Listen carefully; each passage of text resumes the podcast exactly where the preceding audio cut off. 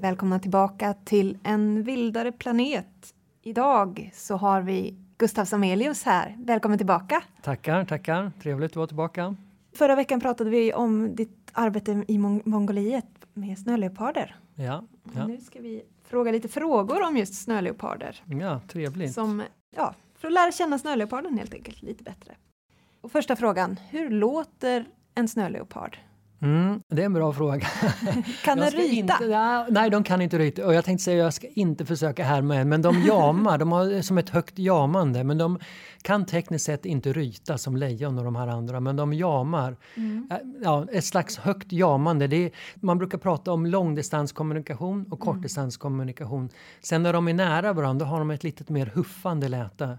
Och det är mer den här kortdistanskommunikationen. Men de parar sig ju tidigt ja, på våren eller vårvintern. Och då är de, de, de som sitter och skriker i bergen eller jamar högt. Och det är så de lockar på varandra. Vi har faktiskt haft, det var nog kanske inte snöleopard, det var nog tiger, men vi hade ett sånt där fnuff.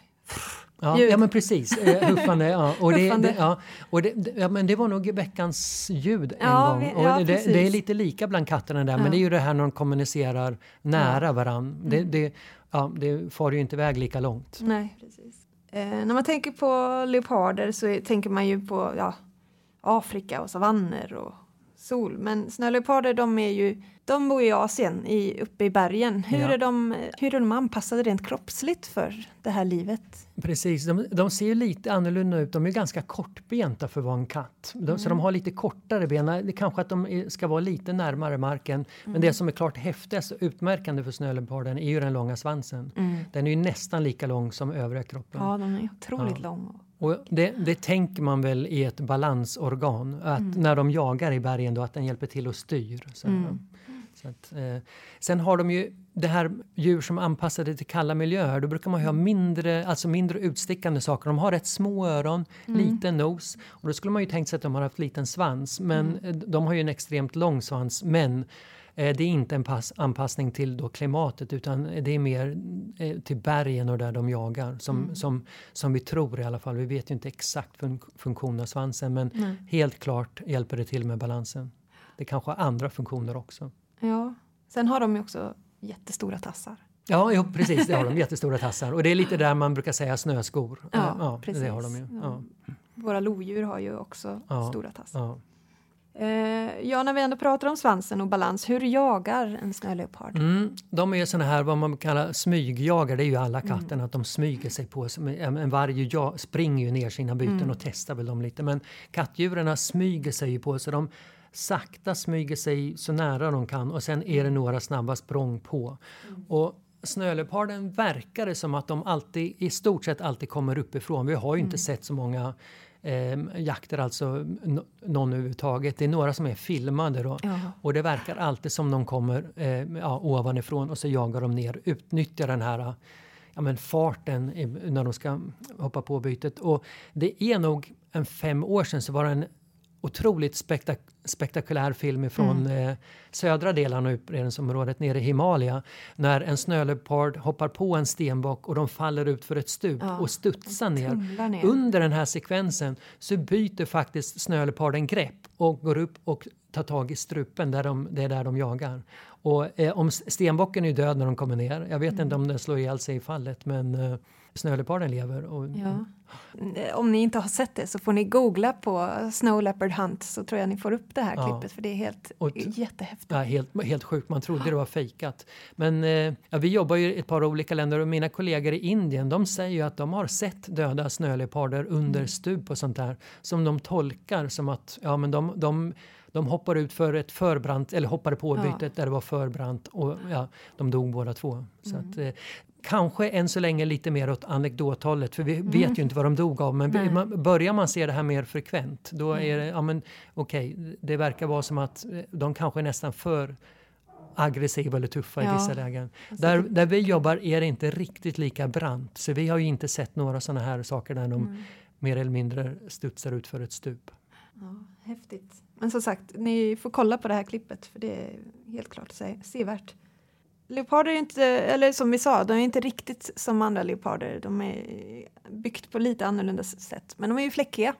Men är de släkt med leoparder eller hur är det? Ja, ja, men precis. Vi pratade lite om det här innan och de är ju släkt med andra leoparder och då mm. du, men de är inte mer släkt med tigrar och det stämmer. Mm. Så att man, man tror om man går tillbaka i den här utvecklingshistorien så är ju närmaste Ja, den närmaste släkten de har är tigrar, men de är ju släkt även med de andra leoparderna. Ja. Men mer släkt med tigrarna. Ja. Vackra fläckar har de i alla fall. Det har de verkligen. Det har de verkligen. Och när vi pratar om leoparder och leoparder. Eh, andra leoparder är ju gula. Och det är ju självklart att snöleoparden är inte gul för att den, eh, den, den vill ju kamouflera sig i det, den miljö som den lever i. Hur svårt är det att få syn på en snöleopard? Ja, det är ju jättesvårt. Ja. Ehm, jag tror det var, om, jag, jag vet inte om det var 80-talet, tror jag det var första gången som den fotograferades i det vilda. Mm. Sen är det klart, hedarna har ju sett den då och då, såklart mm. de som bor där, men de hade inte kamera. Men första gången fot fotograferades i det vilda tror jag är på 70-talet, eller om det var 80-talet. Eh, så det, det, visar ju lite på hur eh, ovanligt det är. Och jag har jobbat där bra länge och jag har ju aldrig sett dem förutom när vi har, när vi har fångat dem då, eller mm. på våra kameror. Eh, herdarna ser dem emellanåt. Där man ser dem mer dock är, är mer i de södra områdena där det är mer snö. Mm. När de går över de här stora snöfälten, då sticker de verkligen ut. Ja. Så att jag har en kollega, Örjan, han brukar säga att snöleopard egentligen är ett dåligt namn för det, de vill egentligen inte vara där så mycket. Mycket när de går över de här snögrejerna, då går de nog från ett område till ett annat. För då mm. sticker de verkligen ut. Är de mot, alltså en bergvägg? En bergvägg, eller precis där det inte är snö, då smälter de in jättebra. Så de är ju, kamouflaget är ju inte mot snön, utan kamouflaget är där det inte finns snö. Mm. Så, men snöleopard är ett fantastiskt namn, så vi ska, ja. vi ska fortsätta att säga det. Men det eh, där sticker de ut, där kan man se dem. Och ja. Det har ju blivit en del turism nu med med snöleoparder. Och det är framförallt de södra områdena och det är för att där kan du se dem. Mm. Och det är ju då när de går över de här snöfälten, då ser man dem. Mm. Men sen när de går in då på de här snö, eh, snöfria områdena, då försvinner de nästan. Ja. Och när vi, när, alltså det är nästan sjukt när vi eh, har fångat någon och vi släpper iväg dem. De bara som smälter in. Man, jag vet att han var där men nu bara som försvann ja. han som ett spöke. Så här, Ghost of the mountain bara försvinner in och, och bort. Ja. Det är inte så konstigt att de har fått en sån mytisk aura nej, Nej, nej, de är jättesvåra att se. Nej, nej. Och det är ju det som på något sätt, ja, men det, det är det som är häftigt med dem, den här mystiken och att mm. ja, man, man ser dem inte. Man kan gå i deras spår och, så här och följa dem och se var de har gått men man ser mm. dem inte. Ja, fantastiska djur är det. Verkligen. Eh, då vill jag passa på att önska dig lycka till på nästa resa till mm. Mongoliet. Ja, vi åker du kanske får se en snöleopard då? Kanske, men jag, jag är helt okej okay med att jag inte ser dem. Det, det tillhör lite att jobba med djuret. Så mm. att, ja. Stort tack för att du var här. Ja, tack. Och ni som vill höra mer om snöleoparden, om ni missade förra veckans program så gå in och lyssna på det direkt så får ni lära er ännu mer och höra Gustav berätta om äventyren i Mongoliet.